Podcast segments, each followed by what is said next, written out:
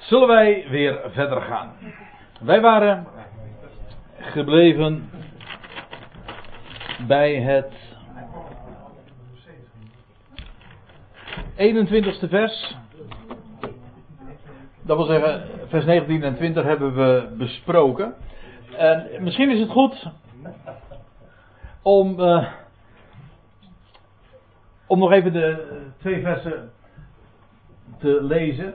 Vers 19 en dan ook zoals we inmiddels gezien hebben wat er meer precies staat. Daarbij dan broeders volle vrijmoedigheid bezitten om in te gaan, om in de heiligdommen, in het bloed van Jezus, een pasgeslachte en levende weg die Hij ons inwijdt. Door het voorhangsel, dat is zijn vlees. Nou, dat hebben we voor de pauze besproken. En dan komen we nu dus in het 21ste vers.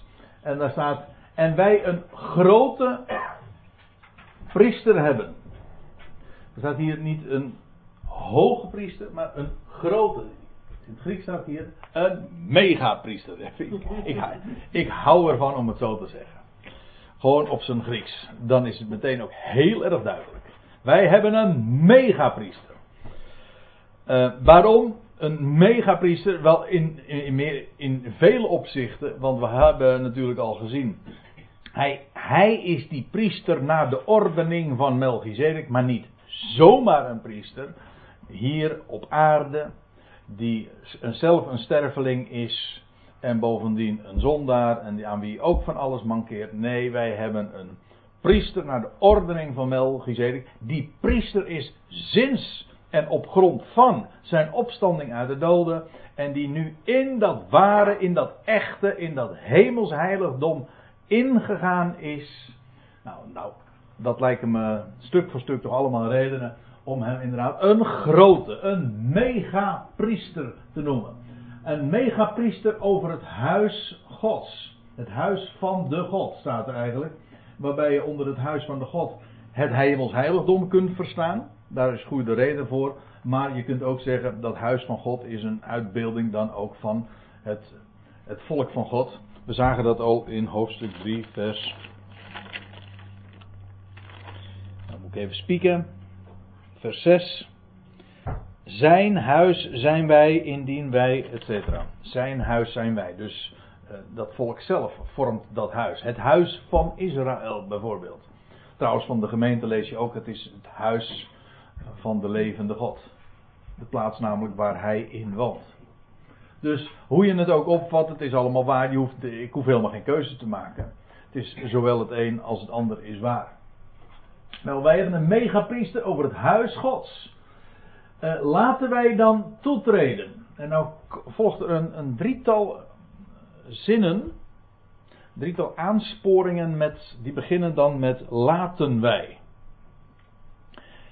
Ik kom er straks nog even op terug, maar eerst laten wij toetreden. En dat toetreden heeft weer alles te maken met dat ingaan in het heiligdom. Als dat dan zo is, het feit werd gesteld, de conclusie was getrokken, wel laten we dan toetreden ehm, in, met een waarachtig hart. Een waarachtig hart, zoals u hier ziet, een waar hart.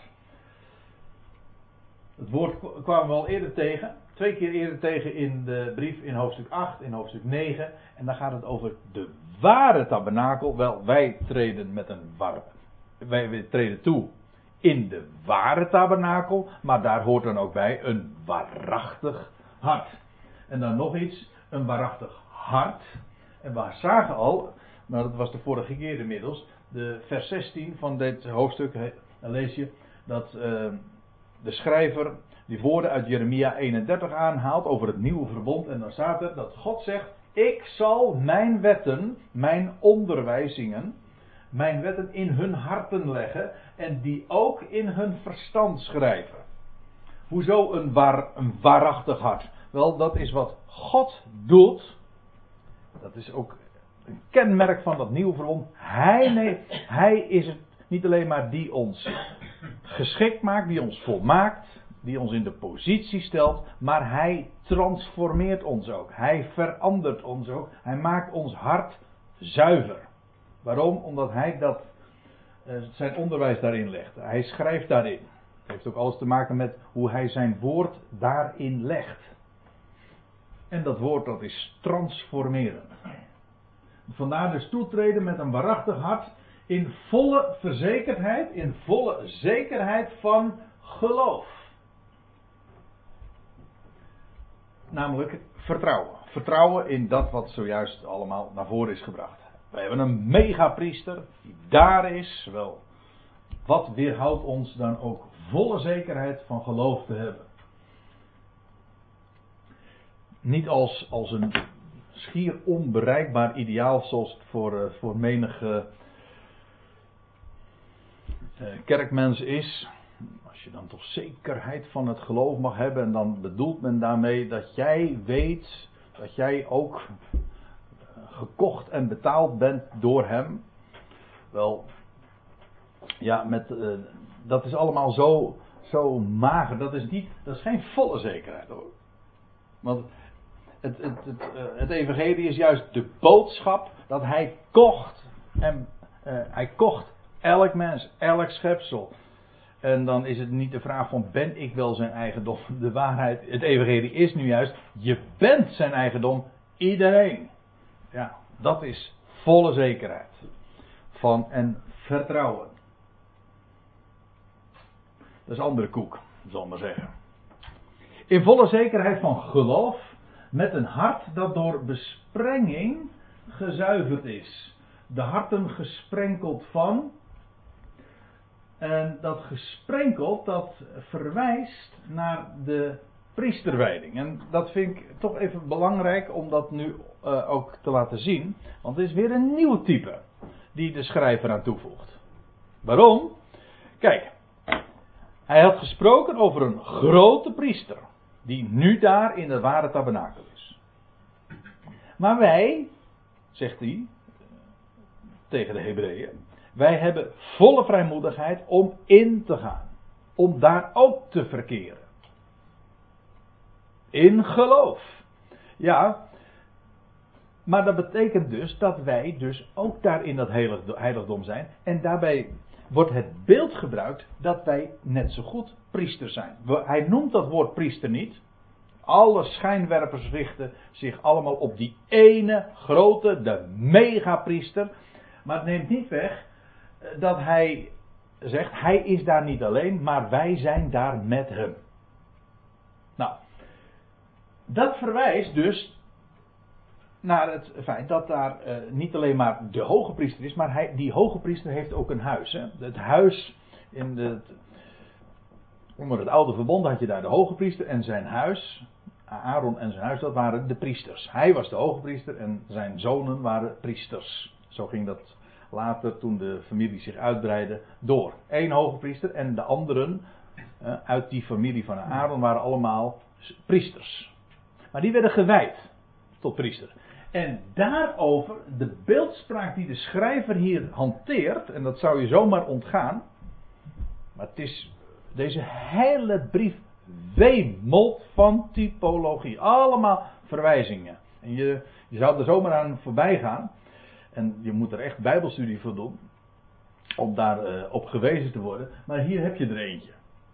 Want als hij dan zegt met een hart dat besprenkeld is, uh, namelijk zodanig gesprenkeld dat het ook een zuivering is, wel, dat verwijst naar de, priester, naar de priesterwijding. En nu neem ik u even mee naar Exodus 29. En dan lees je dit. Ik heb een paar woorden even vet gedrukt. En in kapitaalletters. Daar moet u dan vooral even op letten. Daar, hier gaat het, in Exodus 29, over dat de, het huis van Aaron ingewijd wordt tot priester. En er werden er diverse rituelen werden er toegepast. En dan lees je, en gij zult de ram slachten en van zijn bloed nemen en het strijken aan de recht. Ja, dat is eigenaardig, hè? Ja, je, soortgelijke dingen lees je ook over de reiniging van de melaatse. Maar hier, nou moet je opletten. Dan staat er aan de rechteroorlel. Uh, nou, nou, doe ik het nog verkeerd ook, dan doe ik het naar links.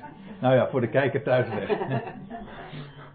uh, aan de, en dat bloedstrijk aan de rechteroorlel.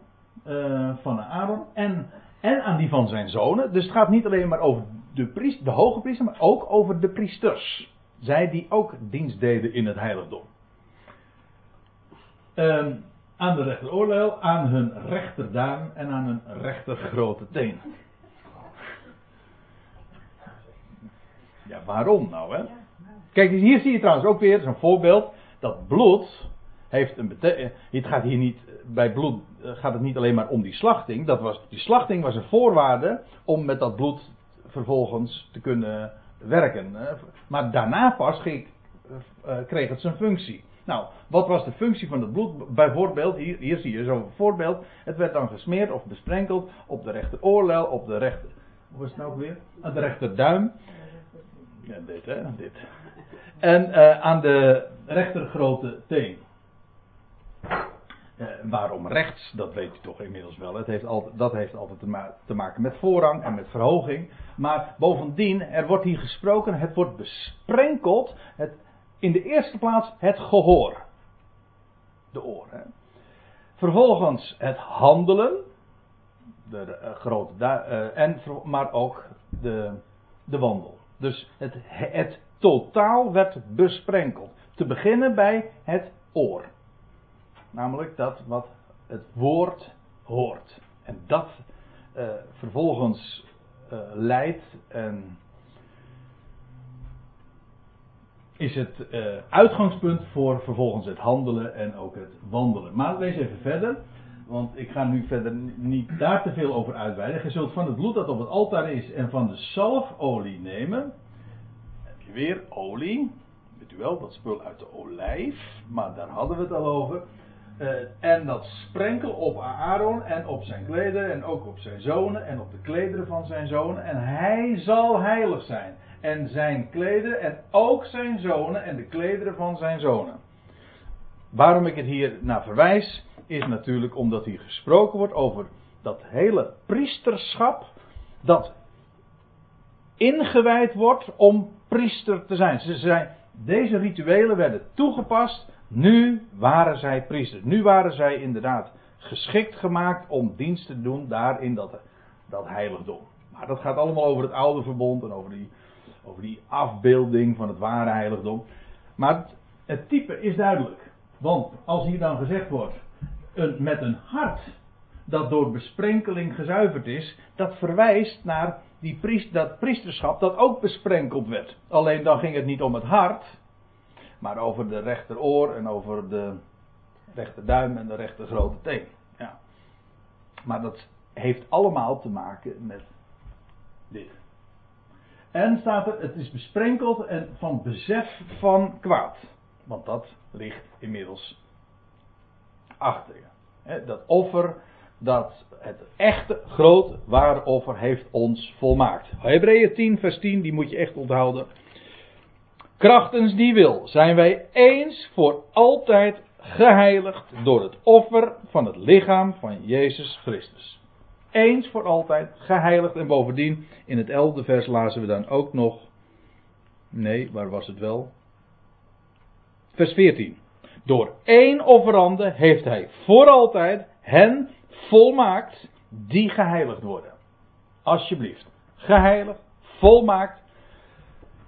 En daarmee gereinigd en gezuiverd van het besef van kwaad. Dat is, heeft niks te maken met je gevoel, met je beleven. Dat is wat zoals God dat inwijdt en zegt en verklaart. En staat er dan nog bij met een lichaam dat gewassen is met zuiver water. En opnieuw wordt weer verwezen naar die naar dat hoofdstuk waar ik het zojuist over had, Exodus 29. Want die, hoge, want die priesters werden niet alleen maar met bloed besprenkeld, met die, bij de rechteroorlel en de rechter grote duim. rechter grote duim. De rechterduim en de rechter grote teen, ja, zo was die. Maar het, je leest ook dat hun lichaam gewassen werd in water. Zodat dus een priesterschap gewijd wordt om in te gaan in dat heiligdom. Dat is het idee. Maar dat is een type van hetgeen wat onder het nieuwe verbond plaatsvindt. Ik zal u, hem, ik zal u de schriftplaats er ook even bij geven, vers 4 van Exodus 29, daar lees je, ook zult gij Aaron en zijn zonen doen naderen tot de ingang van de tent der samenkomst, en, u weet wel, aan de oostkant is dat, en gij zult met hen, hen met water wassen. Nou, en dan hier. Dat is, is duidelijk. Waarom, hoezo met water wassen? Wel, om hen te wijden tot priesters. Zodat zij in dat heiligdom hun werk konden doen. Konden functioneren. Wel, dat is met ons ook zo. Dat zegt de schrijver hier van de Hebreeënbrief. Waarbij het, uh, lijkt mij toch duidelijk moet zijn dat dat water en dat gewassen worden door water uiteraard een beeld is van het woord van God. Dat staat hier niet, wordt niet eens uitgelegd. Er wordt min of meer gemakshalve van uitgegaan dat de lezer dat wel moet begrijpen. Paulus zegt in Efeze 5 dat, de, dat Christus vandaag de Ecclesia wast. Nou, ik heb hem niet op een dia staan, maar ik moet er nu ineens aan denken. Efeze 5, vers 27. Nee, nou laat ik lezen. Uh, evenals Christus zijn de Ecclesia lief heeft, vers 25 staat er, en zich voor haar overgeeft om haar, de Ecclesia, te heiligen, haar reinigend door het waterbad met of in het woord. En zo zelf de Ecclesia voor zich te plaatsen, stralend, zonder vlek of rimpel of iets dergelijks, zodat ze heilig is en onbesmet. Wat Christus vandaag doet, is inderdaad zijn woord geven en door dat woord reinigt hij de Ecclesia en maakt hij haar ook stralend. En daar, het enige wat je daarvoor nodig hebt is dat woord. Want zo werkt hij. En nou moet ik meteen ook weer denken aan die hoge priester die dan in het heiligdom een bedienaar was. Wat deed hij? Bijvoorbeeld met die lampen, maar daar hebben we het uh, veel eerder al eens over gehad. Hij reinigde die pit bijvoorbeeld. Het oude nam hij weg. En vervolgens goot hij daar weer nieuwe olijfolie in. En zodat hij die kandelaar weer geschikt maakte om te stralen, om te schijnen, om licht te geven. Dat is wat hij met ons doet. Hoe reinigt hij ons? Hoe maakt hij ons stralend? Hoe maakt hij ons schoon van alle bezoedelingen? Door het woord, niks anders. Dat is geen eigen werk. Dat zijn geen, dat zijn geen psychologische trucs. Dat is geen pep talk. Dat is het woord dat zijn werk doet. Namelijk levend woord. En dat doet hij. Vergis je niet, dat is, het is geen zelfheiliging. Hij reinigt. Hij heiligt. En hoe doet hij dat? Door zijn woord. Laat je reinigen. De boodschap is niet ga doen, maar ga laten. Laat je reinigen. Met dat levende, krachtige woord. Dat vitaal is. Zuiver water.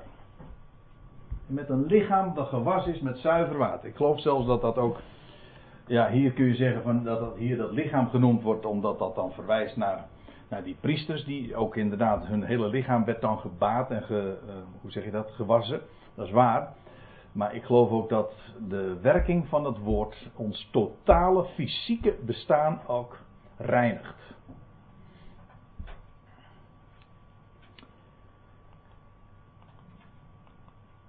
En dan vers 23. Want ik wil eigenlijk bij vers 25 aankomen, maar dat gaat hem niet meer worden, dacht ik. Maar ik wil nog even verder gaan. Laten wij, hier weer, opnieuw, laten wij, we hebben dat drie keer, ik, ik zei al, vers 21, pardon, vers 19 en 20 is de basis. We hebben een hoge priester, een megapriester daar in het heiligdom. En dan, worden er drie keer de dingen gezegd. Drie keer laten wij. Eigenlijk staat er zoiets als dat we. Een, een, wensende vorm. Wij kennen dat in het Nederlands niet meer zo, dus daarom is het heel lastig weer te geven. Nou, we kennen het wel als ik bijvoorbeeld zeg: leven de koning. Of dat de koning leven. Dat is een wensende vorm. Wel, die vorm wordt hier in. Dat is een speciale grammaticale Griekse vorm. En dit wordt hier ook gebezigd. laten wij of dat we, en dan worden er drie dingen genoemd, dat we naderen met, of dat we de beleidenis van de verwachting vasthouden, of dat we acht geven op elkaar. Allemaal op basis van dat ene gegeven waar we het over hadden. Nou, uh, dat we de belijdenissen van hetgeen we hopen. U ziet, er staat letterlijk de, de beleidenis van de hoop. Of zo u wilt, de beleidenis van de verwachting. Dit woord uh, hoop, dat hebben we al heel vaak gezien. Uh, speelt ook een heel, dat woord, dat begrip speelt een grote rol in de, in de brief. De verwachting. Waarbij dit woord, ja, ik weet niet of we, het, al eens een keer hebben overwogen, maar ja, is het nou verwachting of is het hoop? Het is, een, het is moeilijk een keuze te maken, want het woordje verwachting, eh, het Griekse woord drukt uit eh, het, het beide. Namelijk verwachting geeft aan dat het vast is, zeker. Als ik zeg ik verwacht dat hij zal komen, dan bedoel je daarmee, oh, dat, maakt iets heel, dat is iets heel anders dan, wanneer je zegt ik hoop dat hij zal komen. Het woord verwachting drukt uit, het zal gebeuren. Ik verwacht het. Daarentegen het woordje hoop heeft ook eh, goede papieren, toch wel. Omdat bij hoop geef je aan dat het iets is waar je naar uitkijkt. Als je zegt ik hoop dat hij komt, dan bedoel je daarmee ik verlang ernaar, ik, ja, ik hoop dat het zal gebeuren. En dat zit ook in dat Griekse woord. Het is, het is namelijk per definitie positief. Het is dus zeker en het is positief. Dat het zeker is, drukt het woordje verwachting uit. Dat het positief is, drukt het woordje hoop uit. Ja, nou ja, goed. Dus beide woorden komen in aanmerking. In beide begrippen moet je er dus bij denken als je dat woord leest. Wij hebben verwachting en wij hebben hoop. Wij hebben een hele hoop hoop. Ja. En dat anker is. Dat, is, dat weet u dat dat beeld ook aan de Bijbel ontleend is. Dat zagen we al veel eerder, ook in deze brief, Hebreeën 6. Mooi om dat even voor te lezen, want daar staat. Krachtige aansporing zouden hebben om de hoop of om de verwachting te grijpen die voor ons ligt. Haar, die hoop, hebben wij als een anker der ziel dat veilig en vast is en dat reikt tot binnen het voorhangsel waarheen Jezus voor ons als voorloper is binnengegaan. Dus het louter feit dat Hij daar is, dat is onze verwachting, want daar zullen wij ook zijn.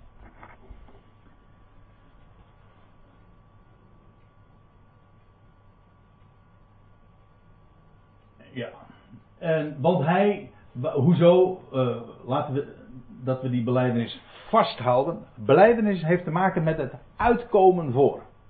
Iets, eh, ja, in de religieuze context, ook in de christelijke wereld, spreekt men altijd over de beleidenis en daar bedoelt men mee dat wat de kerk gelooft. Hè? De beleidenis der kerk.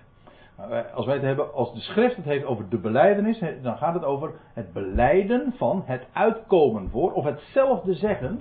Mooi, dit woordje homologeo, dat betekent eigenlijk het homo, dat betekent hetzelfde, en dat andere is spreken of zeggen.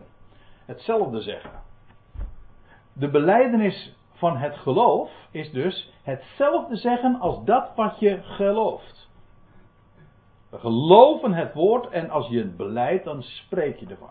Met het hart geloof je, met de mond beleid je. Romeinen 10, vers 9.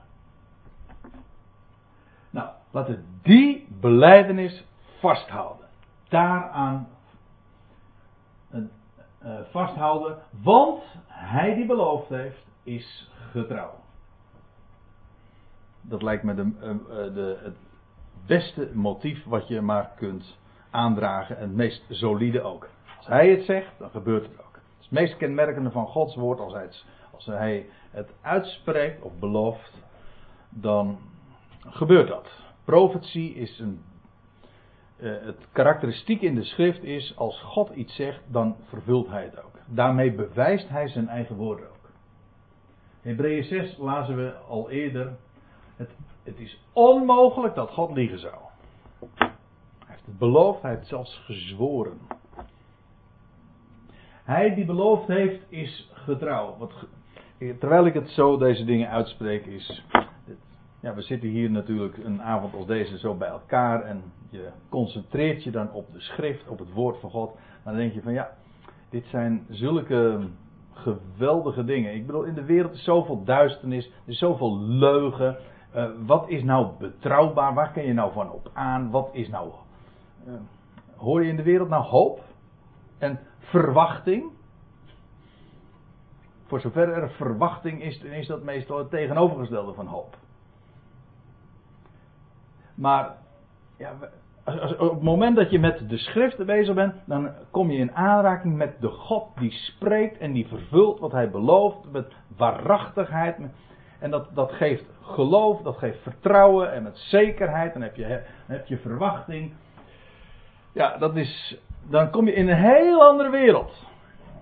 Dat, en dat, dat woord, dat is, ik ervaar dat zelf ook en wellicht zult u dat eh, helemaal herkennen en beamen. Dat, woord, dat reinigt je, zuivert je hele denken. Dat maakt je schoon, dat richt je weer omhoog. En dat verblijdt, maakt gelukkig. Hij die belooft is getrouw. En laten we op elkaar acht geven. Of ook hier weer, dat wij op elkaar acht geven. Dat woordje acht geven. Ja, ik heb even een concordantie erop losgelaten. Uh, dan zie je dat dat wordt vertaald in de MBG niet erg concordant bepaald. Maar het wordt vertaald met bemerken, of onderzoeken, of doorzien, of opletten. Richt uw oog op, of beschouwen. Of opmerken, bemerken. Dit ene Griekse woord wordt dat uh, zo weergegeven. Maar het geeft wel aardig uh, zicht daarmee ook wat hier bedoeld wordt. Dat wij op elkaar, de een de ander en de ander de een, acht geven opletten. We horen bij elkaar. En acht geven, hoezo dan? Is dat, is dat sociale controle? Nee. Ik zeg niet dat het element helemaal ontbreekt hoor. Maar goed, uh, laten we even verder lezen. Dat we op elkaar acht geven. Op, waar, hoezo? Om elkaar aan te vuren tot liefde. Letterlijk staat hier, tot aan, ziet het, tot aanscherping van liefde. Waarbij hier dit woord, dat is agape. Onvoorwaardelijke en dat is Gods liefde. En elkaar aan te vuren, dat is aanscherping, prikkelen.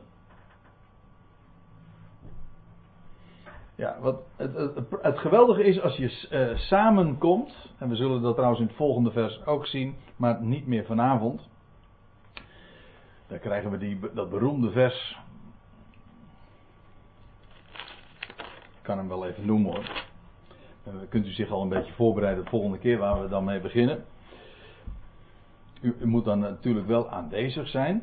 Want wij moeten onze eigen bijeenkomst niet verzuimen zoals sommigen dat gewoon zijn. Maar elkaar aansporen en dat des te meer naarmate gij de dag ziet naderen. Dat is Hebreeën uh, 9 vers 25. Daar gaan we het de volgende keer eens over hebben. En uh, ja, daarover dat vers is natuurlijk ook nogal wat te doen. Maar het gaat e- eventjes om het punt uh, dat, bij el, dat bij elkaar eh, komen, dat heeft de functie van dit. Op elkaar acht geven. Hoezo? Wel om elkaar te prikkelen. Om elkaar aan te scherpen. Dat is dus een tamelijk sterk woord. Namelijk tot liefde. En ja, hoe zou je dat anders doen dan juist bij elkaar te zijn?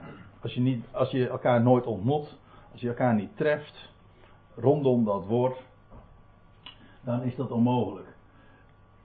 Maar juist elkaar ook op te bouwen. Het is een vanzelfsprekende. Je hoort bij elkaar en dus zoek je elkaar op. En dus uh, lees je hier aanvuren tot liefde en tot goede werken. Uh, en goede werken. Waarbij dat woordje en, dat kun je opvatten als en ook nog eens. Daar, uh, daarbovenop. Maar ik denk dat het hier gewoon de functie heeft van namelijk. Zoals de God en vader betekent niet God plus de vader. Nee, de God namelijk de vader. Dat, heeft, dat woordje en heeft die functie om elkaar tot, tot aanscherping van liefde, namelijk goede werken. is eigenlijk een prachtige uitlegging wat goed, goede werken zijn. Ideale werken. Dat, zijn, dat is dus niet een speciaal soort activiteiten die vallen onder het kopje goede werk. Nee, goede werk, wat zijn goede werken? Nou, ik, heb het eens een keer aan de apostel Paulus gevraagd en die zei van, dat is alles, al, dat zijn de werken die God tevoren bereid heeft, opdat we daarin zouden wandelen. Dat is Efeze 2, maar hier vind ik er ook een hele mooie, namelijk, wat zijn goede werken? Dat is, dat is alles wat je doet in agape. Goddelijke liefde. En dat maakt dus helemaal niet uit wat. Dat heeft dus niet te maken met een speciaal soort activiteit. Het heeft te maken met de geest waarin en de sfeer waarin, of de motivatie waarom je dingen doet. Namelijk in zijn liefde. Nou, dat is uh, het geweldige om elkaar te ontmoeten, elkaar ook daarin aan te vuren, aan te scherpen, elkaar bij te staan en te wijzen op de rijkdom van zijn woord. Namelijk dat woord wat nu eenmaal spreekt over de liefde van God.